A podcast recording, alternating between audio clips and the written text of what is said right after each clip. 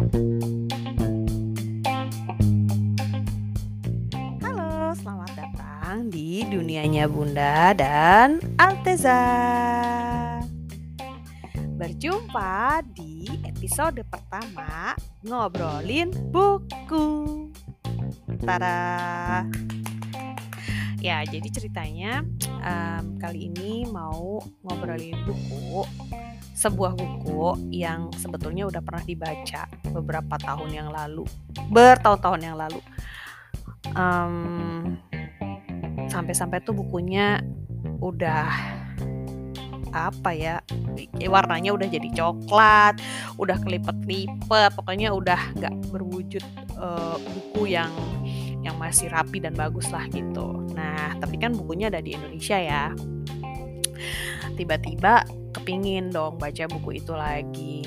Hmm, tapi nggak mungkin kan uh, untuk mengirimkan buku tersebut gitu. Jadi ya udah dicoba deh untuk mencari buku tersebut di sini dan ternyata ada.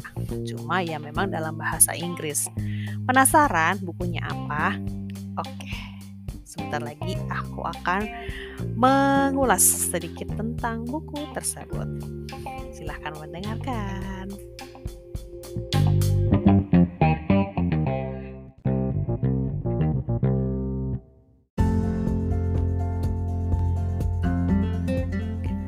Jadi kali ini untuk yang pertama aku akan ngobrolin buku yang berjudul First Term at Mallory Towers atau dalam bahasa Indonesia-nya kalau aku tidak salah ingat adalah semester pertama di Mallory Towers. Buku ini ditulis oleh Enid Blyton. Uh, kalau di sini ya tertulis bahwa dicetaknya itu pertama kali di Inggris tahun 1946. Tapi buku yang aku pegang ini dia cetakan 2006. Menarik ya.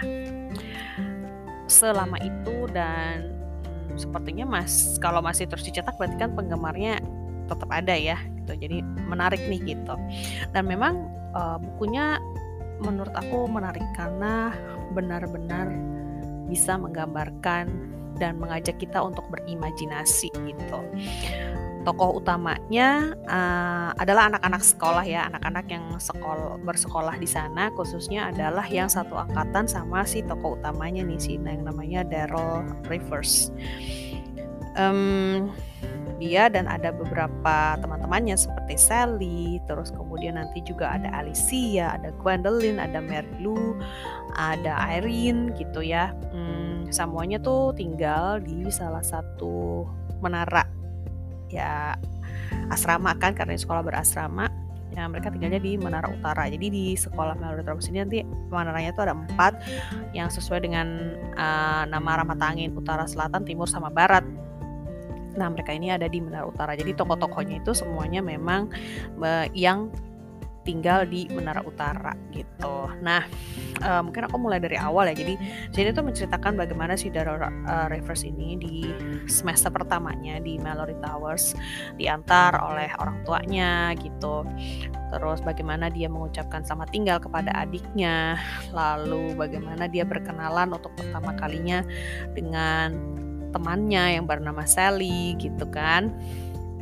Nah terus kemudian juga uh, di awal-awal itu diceritakan. Uh, menurut aku diceritakannya tuh sebenarnya cukup detail ya gitu.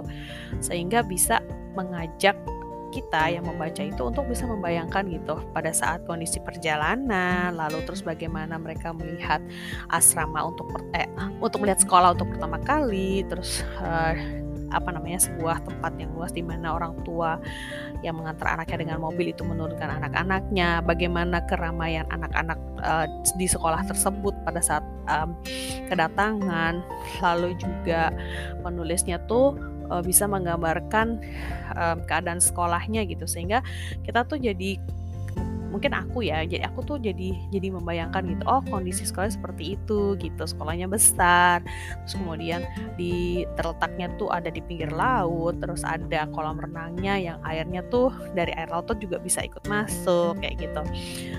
Jadi hmm, asik banget gitu. Jadi sambil baca buku sambil bisa membayangkan gimana sih anak-anak asrama tersebut gimana sih sekolahnya Nah tadi balik lagi, jadi ini sekolah berasrama, asramanya ada empat. Nah yang di toko utama ini beserta dengan teman-temannya itu adanya di Menara Utara. Terus juga di sini juga dijelaskan bagaimana sih sistemnya di sana. Jadi ada kayak ketua kelasnya, terus juga kemudian ada kayak apa ya, ke, um, bukan ketua OSIS sih, tapi kayak ketua tertua gitu di sekolah tersebut. Terus juga ada yang namanya ketua olahraga karena di sekolah ini tuh sangat apa ya, sangat mengutamakan tentang uh, anak-anak tuh bergerak gitu. Anak-anak bergerak anak-anak itu berolahraga beraktivitas di luar gitu outdoor activities terus ke mana sports gitu kan. Jadi um, apa ya jadi banyak diceritakan tentang hal-hal tersebut. Nah terus um, yang menarik di sini adalah uh, runut gitu ya ceritanya runut gitu jadi dan benar-benar mengajak kita untuk membayangkan jadi seakan-akan tuh kita berada di situ gitu kalau menurut aku. Terus uh, yang lucunya adalah ternyata anak-anak ini tuh uh, meskipun di sekolah asrama gitu ya dengan peratur segala peraturannya nah mereka tuh juga iseng gitu punya ada anak-anak yang memang punya ide-ide untuk istilahnya dalam tanda petik kerjain guru-gurunya gitu. Nah ada guru-guru yang nggak bisa dikerjain gitu ya yang udah curiga dan kayak udah tahu aja nih oh ini trik nih gitu. Tapi ada juga guru-guru yang uh, bukan polos ya mungkin ya emang gak punya ide bahwa dikerjain gitu. Lucu banget lah gitu intinya. Uh, ngebayangin si trik itu terus gimana?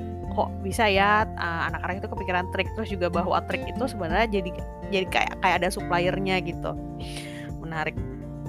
Nah terus di sini juga um, sebenarnya konfliknya di sini adalah bagaimana Daryl itu dia beradaptasi dengan lingkungan di sekolah gitu. Nah dia seseorang yang marah uh, terus kemudian gak sabaran gitu ya dan dia harus berhadapan dengan eh, anak-anak uh, yang lain dengan kepribadian yang lain gitu ya. Terutama di sini nanti ada uh, di si Daryl itu dia kelepasan gitu kan kelepasan sehingga itu nanti terjadi konflik lah di situ. Tapi hmm, ya karena Daryl ini adalah tokohnya ya tokohnya. Jadi di situ juga diceritakan bagaimana dia bisa berproses di buku ini sehingga dia menyadari kesalahannya dan dia uh, apa ya menjadi baik gitu.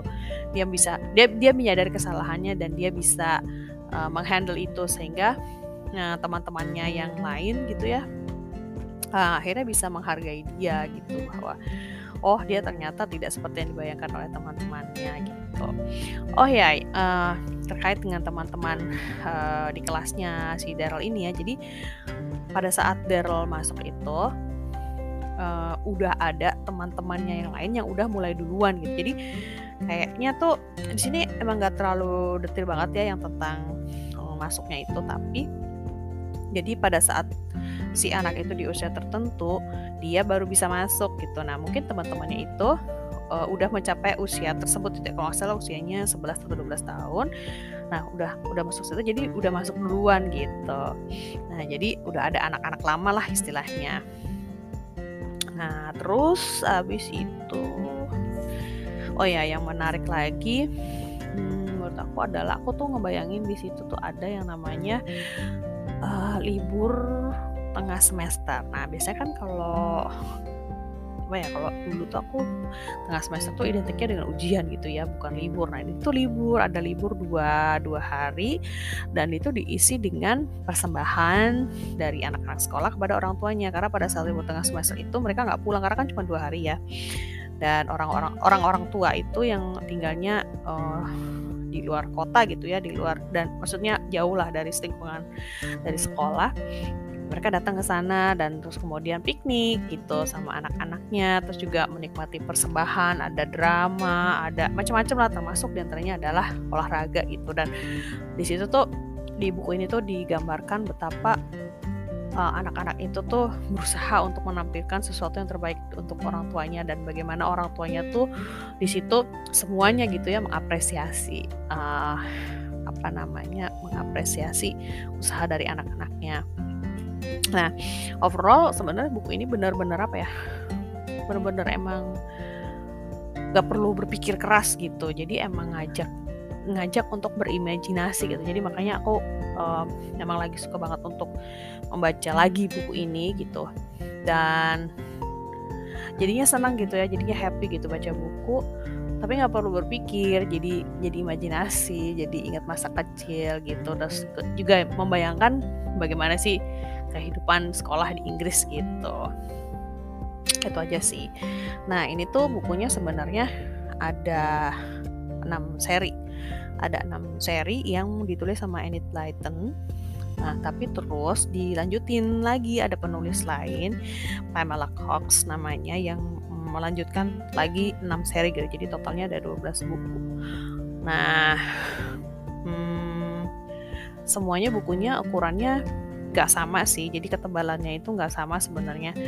Tapi um, karena saking asiknya gitu ya, meskipun bukunya tebal, itu bisa cepet gitu bacanya karena emang emang santai gitu bukunya buku santai bukan buku berat gitu ya hmm, kalau misalnya ada yang ingin bacaan yang ringan terus sambil mengajak imajinasi sambil membayangkan kehidupan di negara yang lain terus bagaimana keadaan um, dan situasi anak-anak di negara lain mungkin buku ini bisa menjadi salah satu buku yang bisa dibaca oleh teman-teman pendengar semuanya.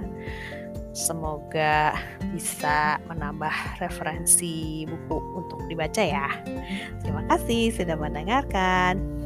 Dadah.